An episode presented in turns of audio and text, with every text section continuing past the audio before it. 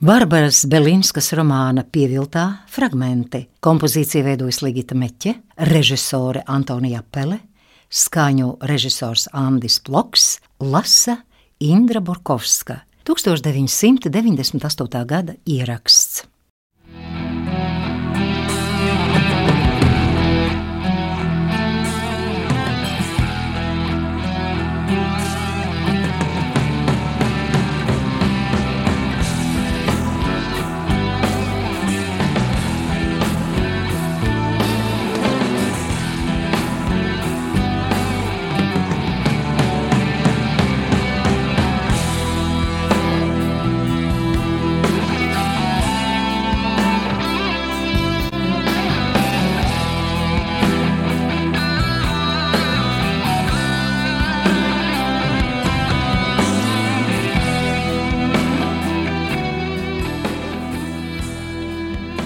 Pēc Lauras domām, Defnija Filips bija pati elegantākā sieviete visā Hemšīrā.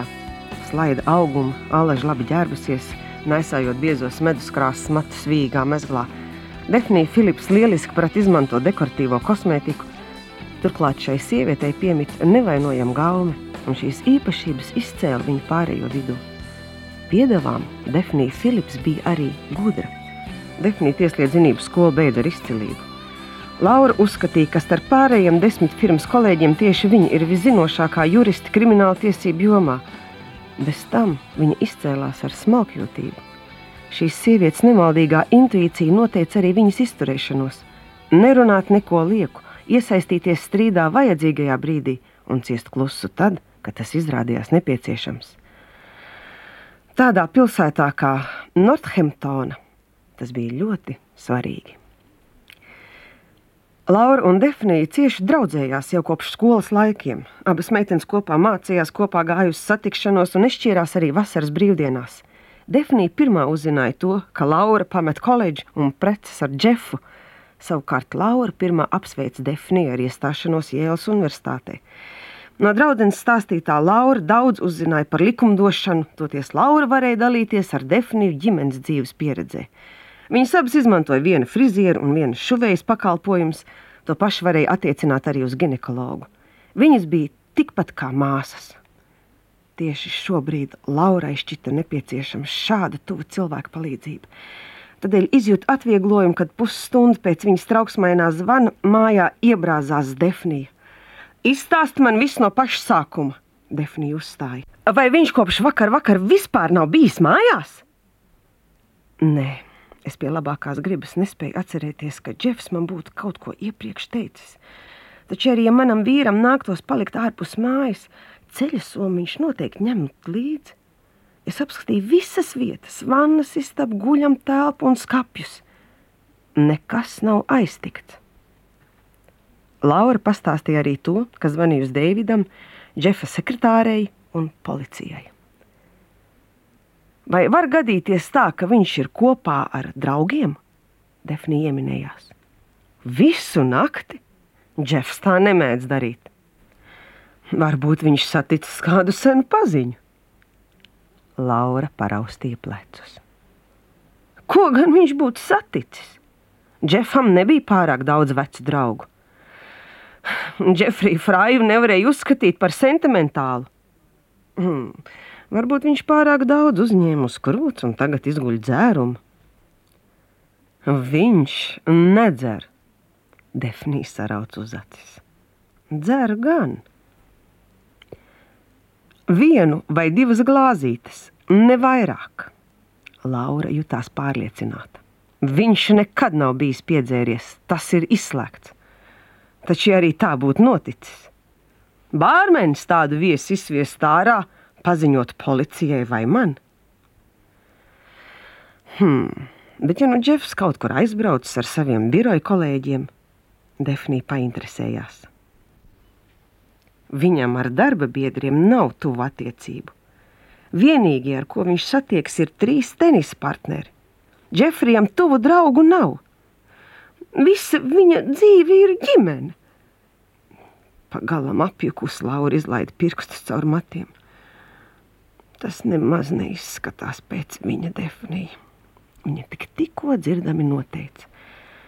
Ja mans vīrs teica, ka pārnāks mājās pulkstenis sešos, tad tas tā arī notika.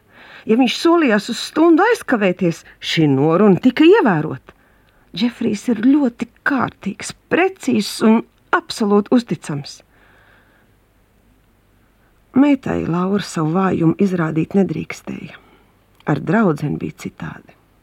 Jau veselu stundu ir gaišs. Ja viņš ciets autokatastrofā un policija nav to pamanījusi, tad vismaz kā cits to būtu ieraudzījis. Laurai sāka drebēt ceļgala. Viņa pievilka ķeblīti un apsēdās uz tā.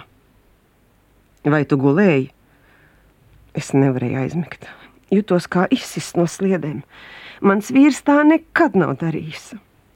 Laura paraudzījās uz sarunu biedreni. Šī sieviete spēja uzminēt mīklas.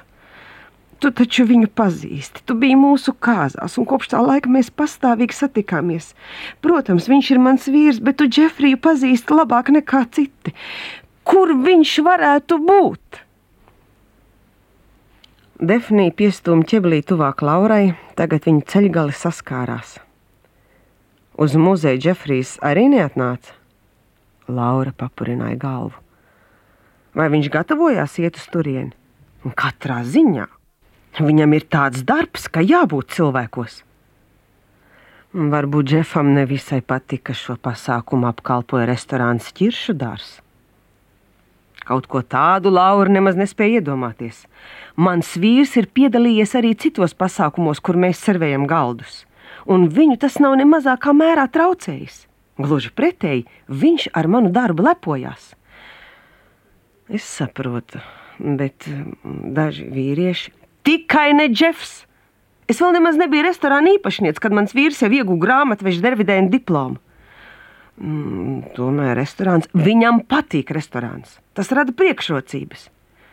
Ar restorānu starpniecību Džefs iegūs sev jaunus klientus. Tu vari man ticēt, mīļā, viņš no tā neciet. Bet, ja arī tā notiktu, tad Džefs tagad bez pēdām nebūtu izgaisis. Iezvanījās tālrunis. Laura pieliec kājās un strauji satvēra klausuli. Halo! Sveika, Laura! Šeit Deivids! Ceru, ka Džefs beidzot atradies. Vai viss kārtībā vai ne? Viņš nav pāradies mājās. Viņa šeit nav. Nav? Vispār nav mājās bijis. Diemžēl tā tas ir. Džefs tā nemēdz rīkoties. Laura gandrīz vai histēriski iesmējās. It kā es nezinātu. Kā tu jūties? Nu, kā gan es varu justies? Aiz uztraukuma nezinu, ko iesākt. Vai tu jau zvanīji uz policiju? Ai, viss veltīgi. Laura izstāstīja, ko runājas ar policijas virsnieku. Policija neko negrib uzsākt. Taču kaut kur cilvēkam ir jābūt. Varbūt paņemt privātu detektīvu. Defnija pakartīja galvu un noraidot atmetā roku. Nē, Laura pārjautāja. Pagaidām, nē, pagaidām, nē. À, es jau sapratu, tu neesi viena, Deivids ieteicās. Pie manis ir Defnija Filips. Varbūt, lai arī es aizbraucu? Lauru dzirdētais nevisai iepriecināja. Deivids bija lielisks grāmatvedis un labs draugs. Taču šī cilvēka klātbūtne varēja arī traucēt. Būtu labāk, ja tu dotos uz biroju un pārmeklētu Džefriju galdu. Varbūt viņš ir atstājis kādu zīmīti. Mm, ideja nav peļama. Es tur ieradīšos pēc pusstundas un zvanīšu tev, līdz ko būšu visu apskatījis. Nolikus klausuli, Laura atbalstījās pret sienu un pievērsa draudzenei nogurušu skatienu. Kur gan viņš varētu būt? Šis jautājums izskanēja kā vāja atbalsts neskaitāmiem līdzīgiem vārdiem, kuri sekoja pēc tam, kad šajā namā satrauktais vaicājiens izskanēja pirmo reizi. Nosvērtā, parasti tik mierīgā defnija šobrīd izskatījās neparasti satraukta. Man nav ne mazākās nojausmas, kur Džefs varētu atrasties. Taču ko lai es iesāku? Sākt apzvanīt visus pēc kārtas. Es jau gribēju to darīt vakar vakarā, tomēr nolēmu, ka tas izskatīsies smieklīgi. Es biju pārliecināta, ka Džefs pārādīsies mājās. Es biju pārliecināta. Man negribējās apgrūtināt draugus. Viņš pārnāks 11. vai arī 12. un varēs pārliecinoši izskaidrot, ko viņam šajā laikā vajadzēja darīt. Laura atrāvās no sienas, paņēma šķīvi ar vafelēm un ielika to mikroviļņu krāsnī. Bet tagad pulkstenis jau astoņi, un viņa vēl ar vienu nav mājās. Es nezinu, ko lai iesāku. Sēdēt uz vietas, doties pazudušo meklēt, vai arī apzvanīt paziņus, ko man darīt. Vai Lidijai tu zvanīji? Es to nevaru. Džefs taču ir savas mātes prieks un lepnums. Es nevaru viņai pateikt, ka dēls pazudis. Vīra māte jau 73 gadi un arī veselība klibo. Mm, bet ko tu saki par Džefa brāli? Laura nopūtās un aizdarījusies, sāka klepot, uzlikdama roku uz sirds. Ko es saku par viņa brāli? Varbūt viņam gadījušās kādas nepatikšanas. Mm, par to es nešaubos. Kristians Frais spēja sacelt traci jebkurā vietā, kur vien šis vīrietis parādījās. Šim nolūkam viņam nemaz nevajadzēja daudz. Var gadīties, ka Džefs devies brālim palīgā. No mikroviļņu krāsnes atskanēja svelpjoša skaņa. Laura pavēra durtiņus un izņēma šķīvi. Viņi nevisai labi satiek, un tomēr viņi ir brāļi. Viņi ir ļoti dažādi, gluži kā diena un nakts. Un tomēr ģimene paliek ģimene. Definīti centās iebilst. Ļoti iespējams, ka Kristiānam bija vajadzīga brāļa palīdzība, un viņš Džefam piezvanīja. Kaut arī viņš būtu zvanījis, Džefs viss nebrauktu. Laura izņēma no leduskapja putekļu un sulu, ko pirmie bija atraidījusi debra. Tu, mīļumiņ, nepazīsti Kristiānu. Tu redzēji, kā viņš uzvedas. Mūsu kāzās ieradās apreibinājies ar narkotikām, bet savas mātes 60. dzimšanas dienā bija piedzēries. Arī pateicības dienā viņš vienmēr izturas izaicinoši. Nu, es nekad neesmu šo cilvēku uzskatījis par tik sliktu. Es gan, un pie tā vēl ar vienu pieturos. Taču tu vēl ar vienu kristiānu aicini ciemos. Tādēļ, ka viņš ir ģimenes loceklis. Laura iesaucās, paņemdam paplāta rolām un sviesta gabaliņu. Arī tādēļ, ka man kristiāna žēl, viņš ir tik vientuļš. Tomēr allaž, kad brālis ieradās, Laura paciet viņa klātbūtni ar grūtībām. Un kaut arī centās savu nepatiku neizrādīt, Džefs to manīja. Nē, Džefs nebūtu braucis Kristiānam palīgā. Man šķiet, tev drošības labad, tomēr vajadzētu viņam piezvanīt. Es domāju, ka Džefa tur nav. Un tomēr pamēģini, nav taču grūti. Patiesībā tas nemaz nebija iespējams. Laura to zināja labi. Viņa saprata arī to, kādēļ Kristiāns viņas kāzās bija atnācis apreibinājies ar narkotikām. Laura nevarēja zvanīt vīra brālim. Šajā sakarībā viņa to nevarēja darīt. Viņa izņēma no galda piedarumu kastītes mazo karotīti. Ir noticis kaut kas briesmīgs, cita izskaidrojuma nav. Defnija piecēlās kājās. Policijas nodaļā strādā man pazīstams cilvēks. Es tūlīt viņam piezvanīšu. Viņi taču man teica, ka pagaidām neko nespēja līdzēt. Viņš man ir parādā. Defnija jau grieza vajadzīgo tālruņa numuru. Lūdzu, detektīvu Melrozu. Viņa pēc dažām sekundēm ieteicās. Laura izņēma ārā pannu. Laura, ko tu tur gatavo? Defnija nomurmināja ar plaukstu aizsegdam klausuli. Brokastis. Pati sev? Tev. Man ir vafeles, es tūlīt uzcepšu omleti. Defnija paņēma viņu aiz rokas un nosēdināja uz soliņa. Beidz rosīties, apsēdies, nomierinies. Es nespēju būt mierīga, Laura iesaucās. Es nesaprotu, kas notiek. Man ir vienalga, pat ja pašas māte man pārmest, ka nespēja par sevi valdīt. Es gribu zināt, un turklāt nekavējoties, kur palicis Džefs. Defnija pacēla roku, censdamās apstādināt šos vārdu plūdus. Denis, Šeit Defnija Filipsa. Viņa iesāka un tad apklusa. Un labi, pateicos. Viņa atkal pārtrauca sarunu. Nē, es nezināju, ka viņš jau izlaists brīvībā, bet es zvanu citā sakarībā. Runātāja īsumā raksturoja situāciju. Es saprotu, jūs līdz vakaram nevarat neko oficiāli uzsākt, taču es domāju, ņemot vērā Džefa Frāja personību un stāvokli sabiedrībā, jūs pats varētu daudz ko noskaidrot. Defnija uzklausīdama sarunu biedru brīdi klusēja, bet, kad ierunājās, tad balsī varēja saklausīt sašutumu. Nē, šis vīrs nav iejaukts nekādos netīros darījumos.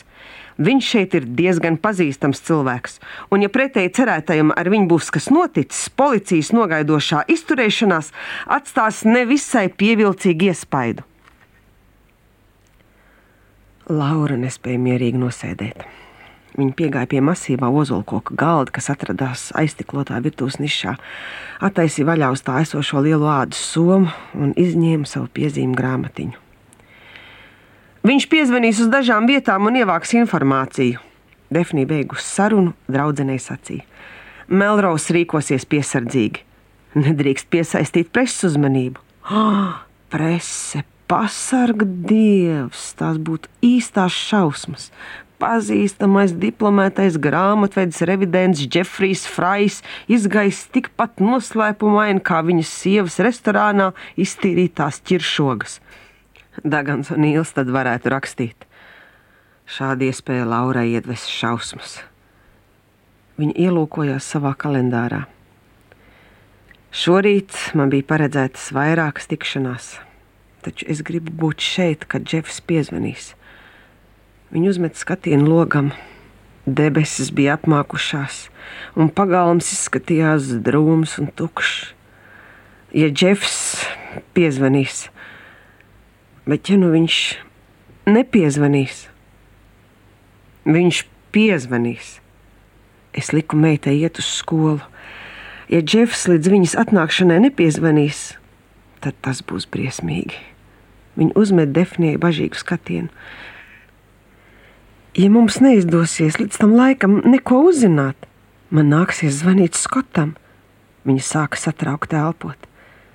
Ir tāda sajūta, ka tas notiktu ar kādu citu, nevis ar mani. Pēc šiem vārdiem iestājās klusums, kas it kā apstiprināja viņas teikto. Džefs mēdz brokastot virtuvē pusdeviņos no rīta. Pēc stundas ceturkšņa viņš izgāja no mājām, pulkstenis deviņos viņš jau sēdēja birojā pie sava darba galda un izskatīja pastu. Atskanēja tālruņa zvans, Laura metās pie aparāta. Tur nekā nav, Deivids bez jebkāda ievada pavēstīja. Es pārbaudīju viņa galdu, kartotēku un grāmatplauktus. Visur valda nevainojama kārtība. Laura zināja, ka viņas vīram tas ir raksturīgi. Viņš bija akurāts cilvēks. Savalkātās zeķes viņš allaži izvilka uz labo pusi, iekams tās ielika netīrās veļas grozā. Bikses pakā ar rūpīgi salicis kopā vīles. Sarindoja uz naktsgaldiņa grāmatas tādā secībā, kādā tās vajadzēja lasīt. Kad citas sievietes žēlojās par savu laulāto draugu nevīžību, Laura varēja vienīgi pateikties dievam. Strādājošai ģimenes mātei Džefs bija ideāls vīrs. Pretodamās trulajam izmisumam, viņa piespieda sevi skaidri domāt. Kāda ir viņa dienas kārtība? Cikos šodien paredzēta pirmā tikšanās? Pusdesmitos, Deivids atbildēja un norūpējies piebildi. Domāju, šeit arī slēpjas atbilde. Džefs nevarēja tā gluži vienkārši izgaist un tevi pamest. Tevi pamest. Asins pēkšņi sāka deniņos tik strauji pulsēt, ka viņu uz brīdi zaudēja dzirdi. Protams, nevarēja. Laura ar mokām norīja kaklā kamolu. Ar viņu kaut kas ir atgadījies, un man jānoskaidro tieši kas. Būs labāk, ja es aizbraukšu. Nē, paliec birojā. Tu varēsi vēl kādam piezvanīt. Viņa jautājoši pavērās draudzenē, kuras sniedzās pēc klausulas. Vienu mirklī, Deivid, ar tevi vēlas runāt Defnija. Deivid, Izturies, it kā nekas nebūtu noticis. Kad jūs darbinieki sanāks kopā, tu pajautā, vai viņi nav redzējuši Džefu. Saki, ka viņš tev ir vajadzīgs. Defnija brīdi klusēja, klausīdamās Deivida vārdos, un tad turpināja. Kādēļ nostādīt viņu nērtā stāvoklī? Ja Džefs drīz vien atgriezīsies un pats visu paskaidros. Mēs nekādā ziņā nevēlamies, lai kāds uzost, ka norisinās kaut kas nelāks un sāktu izplatīt runas pa visu pilsētu. Notikušo nedrīkst izlaist no kontrolas. Laura sacītajam pievienojās. Viņa visiem spēkiem centās saglabāt pašsavaldīšanos. Domas joņoja. Pašreizējo brīdi nomainīja pagājušās nakts atmiņas, cerības, bailes un izmisums. Viņas acis bija sausas un gurdenes, kaut gan Laura pati nejūtās nogurusi. Sirds krūtīs satraukti daudzījās. Atstājusi Defniju vienu, viņa iegāja ēdam telpā. Viņas pirksti pārslīdēja čipendēla stilā izrotāto krēsla atzveltni, līdz pēdīgi noslīga lejup un apstājās pie galda malas. Pirms nepilnām divām nedēļām, pateicības dienā, šis galds vai lūza no ēdieniem, un māja bija pilna ar cilvēkiem. Viņi bija ielūguši 26 viesus, savus tuvākos radiniekus, draugus, ģimenes locekļus un pat vairākus darba biedrus. Laurai patika rīkot tādus vakarus, un arī klātesošie guva prieku. Pat mēdī bija kā atplaukusi. Acīm redzot, jutās apmierināta ar Lauras izturēšanos. Viņu priecēja arī no sakramento atbraukusī Grēta. Taču kāds šis pārbaudījums izrādījās Laurai pašai? Ja visu nedēļas nogali viņas mātei vajadzēja ar jaunāko meitu atrasties zem viena jumta, viņas bija kā diena un nakts. Tādēļ jau arī Grēta aizbēga uz austrumu piekrasti. Tomēr šķiet, ka pēdējos gados Medija bija sākus kaut ko iegaumēt. Ja māte vēlējās tikties ar Grētu, tad nācās mazliet sevi savaldīt, atmest paradumu zoboties, salikt visu pa plauktiņiem un analizēt, pūlēties turēt mēli aiz zobiem.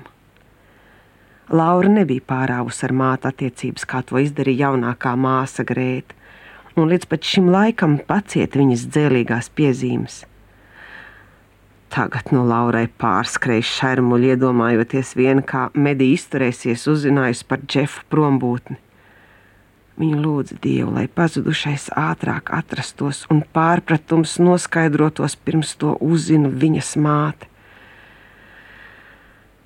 Mēs ar Deividu jau visu norunājām. Defnija nostājās uz sliekšņa. Nu, kā tu jūties? Laura gurdi pasmaidīja. Kā es jūtos? Viņa izdvesa nopūta. Ko lai es tagad iesāku? Ja gribi, piezvani kādiem paziņām. Laura piegāja pie loga. Ja Džefs būtu braucis pie kādiem paziņām, tad vispirms viņš atnāktu mājās Ar to es gribēju sacīt, ka manam vīram ir tikai ģimene un darba biedri. Un viņa tenisa komanda. Viņa spēlē pirmdienās. Tas ir šodien, vakar pusē. Viņa pēkšņi aptvēra. Piezvan kādam no Džefa tenisa partneriem. Defnijas balss skanēja klusi un liegi. Varbūt viņš ir darījis zinām, ka šodien nevarēs ierasties. Tad jau radīsies kāds pieturas punkts. Tādā gadījumā viņš būtu plānojis savu aizbraukšanu jau iepriekš. Tu domā, tā varētu būt bijis? Nē, gluži vienkārši es cenšos izveidot kopēju ainu. Laura tik, tikko sadzirdēja draugu sacīto. Viņu pārņēma bezgalīga vientulība. Kā gan viņš varēja ieplānot braucienu, iepriekš man par to neko neteicis un neatvadījies no debras? Arī ceļa soma vēl ar vienu atrodas tepat. Tev taisnība. No labas gribas Džefs to nebūtu darījis. Iezvanījās tālrunis, un Laura steidzās pie aparāta. Halo! Paldies Dievam, ka es tevi noķēru! Klausulē atskanēja Madelēnas makvejas čērkstošā balss. Es jau baiļojos, ka tu būsi aizgājusi, vai tev ir kāds brīvs brītiņš? Lauras acu izteiksme kļuva gandrīz vai neprātīga. Mam, tu zvani nelaikā. Taču man drīz vien ir jāiet prom. Pēc tam es atbrīvošos tikai pēcpusdienā, tā kā mums viss jāizlemj jau tūlīt. Laurai atkal sāka smelkt pakrūt. Viņa šobrīd jutās kā astoņgadīga meitene, kur uzaicināta medijas mājas biroja viesistabā sniegt paskaidrojums par to, kādēļ nav uzņēmusies sagatavot savu projektu skolas zinātnisko ideju gada tirgumu. Vēlēdamās uzzināt, ko viņa noziegusies, šoreiz Laura vaicāja: Kas jāizlemj? Mūsu fakultātē ir radušies sarežģījumi sakarā ar Ziemassvētkiem.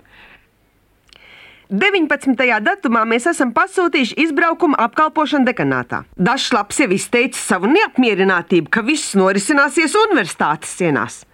Personīgi mani tas nemulsina. Vai tu vari mirklīti pagaidīt?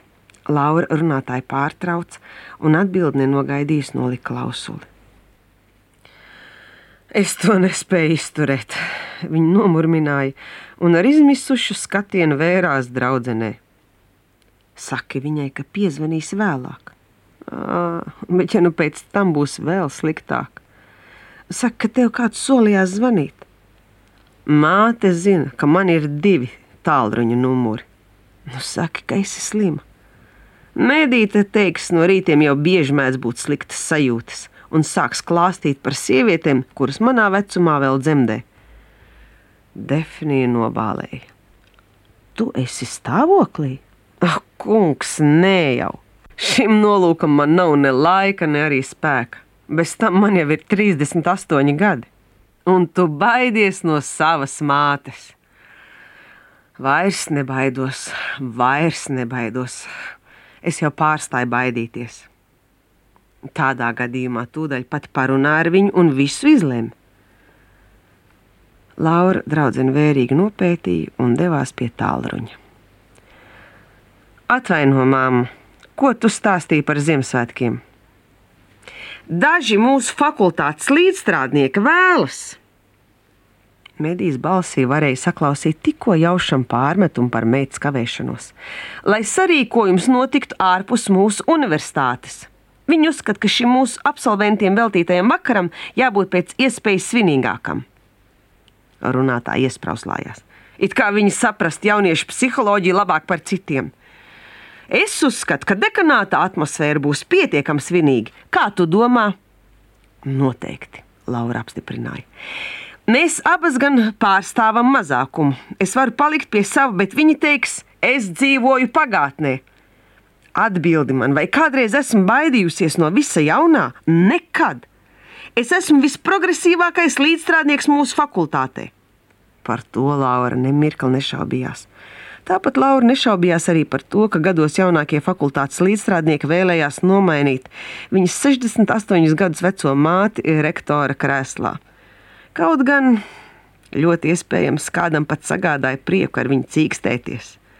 Madelaina Makveja nebija ar pliku roku ņemama. Esmu pārliecināta, tavi līdzstrādnieki arī visu attiecīgi novērtēs, ko tu esi darījusi. Laura samierinoši noteica. Viņi grib, lai vakars notiktu restorānā. Medija pavēstīja, tu varēsi viņus uzņemt. Šobrīd Laurai vismazāk gribējās domāt par tādām lietām. Tomēr viņa piespieda sev to darīt. Restorāna ķiršudārs īpašnieks domās iztēlojās savu biroju. Tajā pie sienas iepratim decembrim skaidri salasāmiem sarkaniem burtiem bija rakstīts: Šajā mēnesī pasūtījumi vairs netiek pieņemti. Laura ar sajūsmu vēroja šo uzrakstu, jo tas liecināja par sasniegtajiem panākumiem, un viņai ļoti gribējās ar to medijai palielīties. Taču pat labam tādas vēlmes nebija. Tādēļ Laura vienīgi noteica, tagad jau ir par vēlu izdarīt kādus grozījumus. Vēl taču trīs nedēļas laika, Mēs neko negrozām, tikai pārceļam pasākumu no mācību iestādes uz restorānu. Medijas balss pieklusa, slēpdama vēl neizteiktus draudus. Laura, vai tas patiesi tik sarežģīti? Šie vārdi pauda izaicinājumu, ko Laura iepazina jau kopš agras bērnības. Medijai Makvejai bija stingrs raksturs, viņu nekas nespēja aizkavēt. Misis Makveja visu dzīvi strādāja mācību iestādēs. Viņa nevien vadīja savu fakultāti, bet vienlaikus sastāvēja arī dažādās profesionālās organizācijās, un šis apstākļus vērt attiecības ar viņu vēl sarežģītākas. Brīžam Laurai šķita, ka viņa pameta koledžu tikai mātes dēļ. Medija par šādu meitu soli bija sašutusi. Viņa mazliet nomierinājās tikai tad, kad skolu sāk apmeklēt Debra. Bet Laura pievērsās kulinārijai, pati cepa un pārdeva siera pīrāgus ar ķiršiem. Tas notika pirms desmit gadiem. Medija pie savām domām palika arī tad, kad viņas meitas nelielais bizness izvērtās par firmu, kas apkalpo iestāžu pasākumus. Gastronomiska rakstura karjeru viņa neuzskatīja par ievērības cienīgu. Vēlāk, pirms diviem gadiem, tika atvērts restorāns. Tas labi darbojās, un gūtie panākumi liecināja, ka nu beidzot Laura ir kļuvusi līdzvērtīga savai mātei. Par spīti Džefa noslēpumainajai pazušanai un lielajam satraukumam, Laura tomēr spēja saņemties. Tas nemaz nav sarežģīti. Es varu visu nokārtot. Tikai man nāksies tev vēl piezvanīt. Kokteļus mēs pasūtījām pulksten sešos, bet pusdienas pulksten septiņos. Jūs esat pasūtījuši apkalpošanu dekanātā. Ja gribat pārcelt vakaru uz restorānu, tad nāksies mainīt laiku, vai nu agrāk, vai arī vēlāk. Grafiks ir ļoti pārslogots. Es jūs ierakstīšu, taču ceru arī no jums sagaidīt pretim nākšanu vada otrā galā iestājās klusums. Laura labi zināja, ko tas nozīmē. Šiem klusuma brīžiem vajadzēja iespaidot sarunu biedru. Taču šoreiz Laurai izrādījās taisnība, vēl vairāk. Tagad viņa bija stāvokļa noteicēji, un kaut gan nekad netiecās pēc varas, Laurai patika, ja viņas māte to saprata. Dievs bija liecinieks. Pēdējās 12 stundās Laurai gaužam maz iznāca priecāties. Izskatās, ka man citas izvēles nav, pēdīgi medī piekrita. Un tūdaļ jau nespēdam nociesties, izmeta dzēlīgu piezīmi. Ceru, ka tas nemaksās daudz dārgāk. Priekš tevis māt, tikpat. Ļoti labi, medija atbildēja. Līdz ko tu uzzināsi, cikos pasākums varēs notikt, tā tūlīt zvani. Tad varēsim visu vajadzīgo apspriest. Laura nolika klausuli, taču viņai nebija lemts tīksmināties par gūto uzvaru. Satraukums pārņēma viņu ar jaunu sparu. Skatiens apstājās pie automātiskā atbildētāja. Var gadīties, ka es tomēr neesmu pamanījusi viņa ierakstu. Ko? Defnī pārjautāja. Džefa paziņojumu. Laura nospieda pogu un atina atpakaļ ieraksta lenti. Atskanēja signāls. Laura, tas jū! Mums radies pārpratums. Puisši iekrāvuši mūsu autiņā nepareizo filēju. Mēs saņēmām pildīto, taču klients bija pasūtījis parasto, un to droši vien aizvedis prom dēvis. Es pat labam cenšos sazvanīt Dī. Ja tu nebūsi restorānā, viņa visu nokārtos.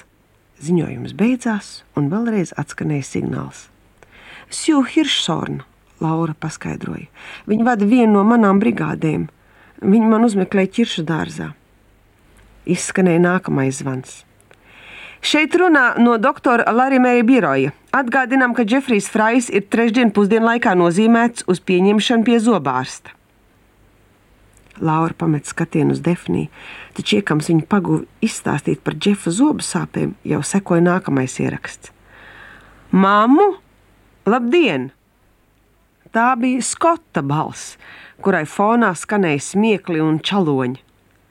Izdzirdusi šīs līksmās skaņas, Laura piespiedu pie lūpām pirkstu galus. Tu laikam atkal neesi mājās. Gribēju tikai pateikt, ka saņēmu četri ar krustiņu par to ekonomikas testu, Bet es jau domāju, viss pagalām esmu izgāzies. Raksts par mākslas vēsturi virzās uz priekšu diezgan labi. Es raujos melnās miesās, tāpat kā visi. Jā, un um, kas vēl? Mums pagājušās nedēļas nogalē bija jauka kopā sanākšana. Sekoja smiekli un skota aizturētā balss. Aizverieties jūs tur! Un tālāk. Mani draugi notiesāja visu, ko tu atsūtīji. Viņiem varen garšoja. Un pēc šiem vārdiem sekoja pateicības saucieni un aplausi. Tas nozīmē paldies! Nu, liekas, tas ir viss. Drīz parunāsim. Atā! Kas noticis ar kluso zēnu? Mēs taču abi kādreiz senkurā pludmalē lasījām gliemežvākus, Defni ieminējās. Lauras skatiens vēl ar vienu kavējās pie automātiska atbildētāja. Viņš ir izaudzis. Elpa aizturējusi viņu nogaidīja, līdz izskanēja pēdējie ieraksti. Defnija pieskārās draudzenes rokai. Džefs atradīsies. Mēs viņu sameklēsim. Taču Laura jau domāja par nākotni. Bet kā ar Ziemassvētkiem? Un brauciens uz sabu pēc jaunā gada un viņa dzimšanas dienu. Ielūgumi jau tiek iespiesti. Tajā laikā Džefrijs būs šeit. Bet ja nebūs, Iezvanījās tālrunis, paķērus klausulu, Laura izmisīgā balsī iekļiedzās: Hallo! Tā esmu es, tev tāda savāda balss, vai viss ir kārtībā? Ak, Dievs, Elīza! Viņa nav mājās! Pagaidām nē, nav bijis visu nakti. Kaut kas ir noticis. Es to līdz atbraukšu.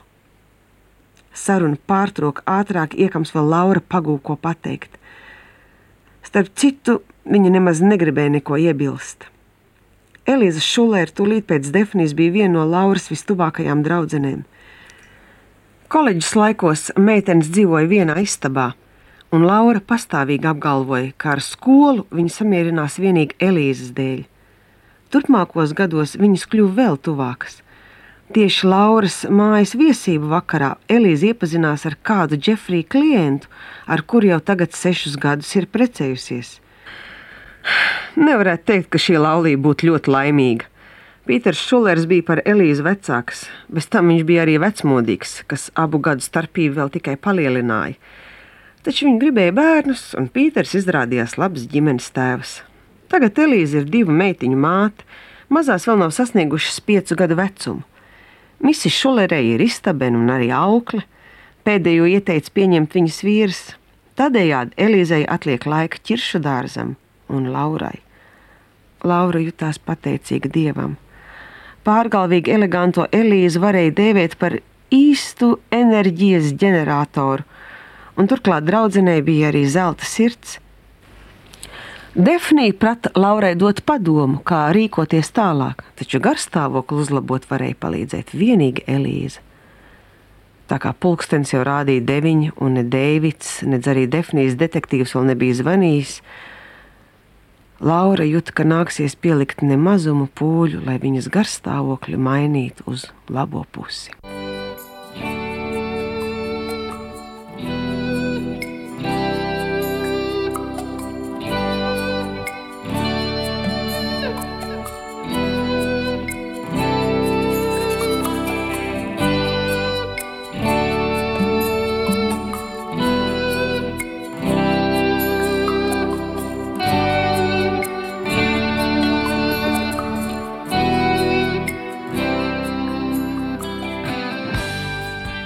Kad gulta sakustējās, Laura pamodās. Viņa nodarbēja, apziņa lēnām atgriezās no dziļās sapņu aizas. Māmu, mosties, māmu, tev tas ir jāredz. Runātāja bija debra. Mātes jūtas piespied Lauru pamosties. Mm? Viņa nočukstēja. Mosties! Laura tikai ar grūtībām atvēra acis.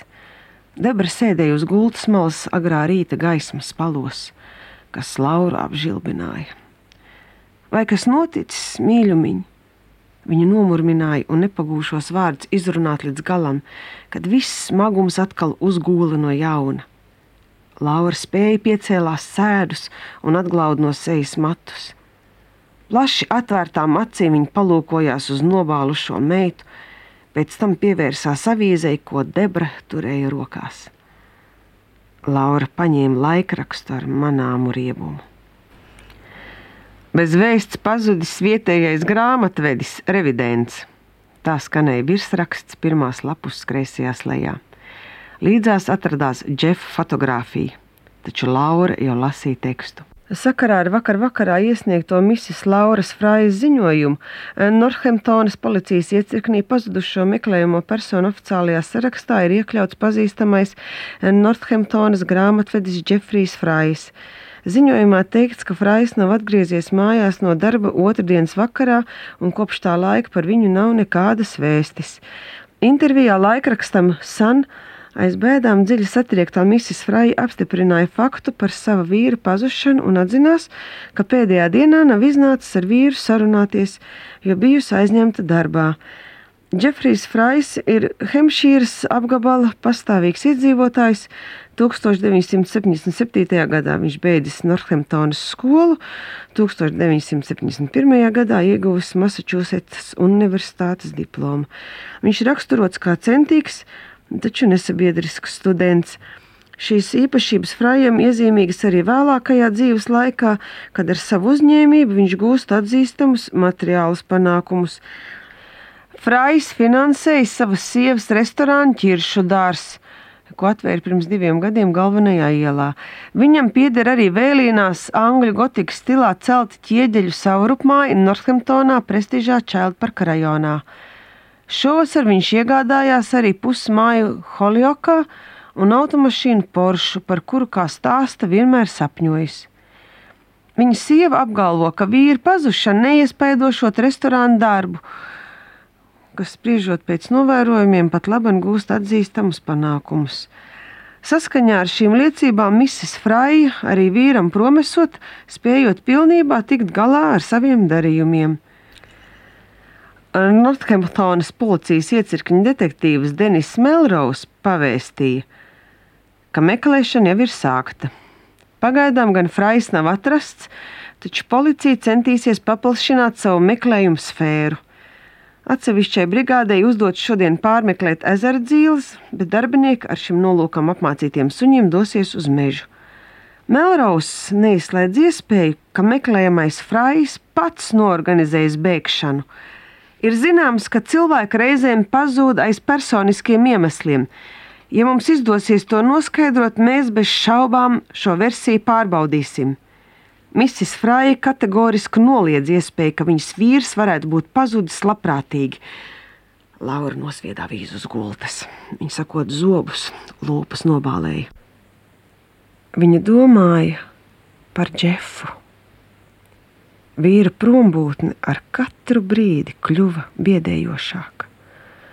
Un kaut arī Laura visus šos gadus nejūta nepieciešamību būt aizsargāta, tagad viņai radās dīvaina vēlēšanās paslēpties aiz kāda muguras.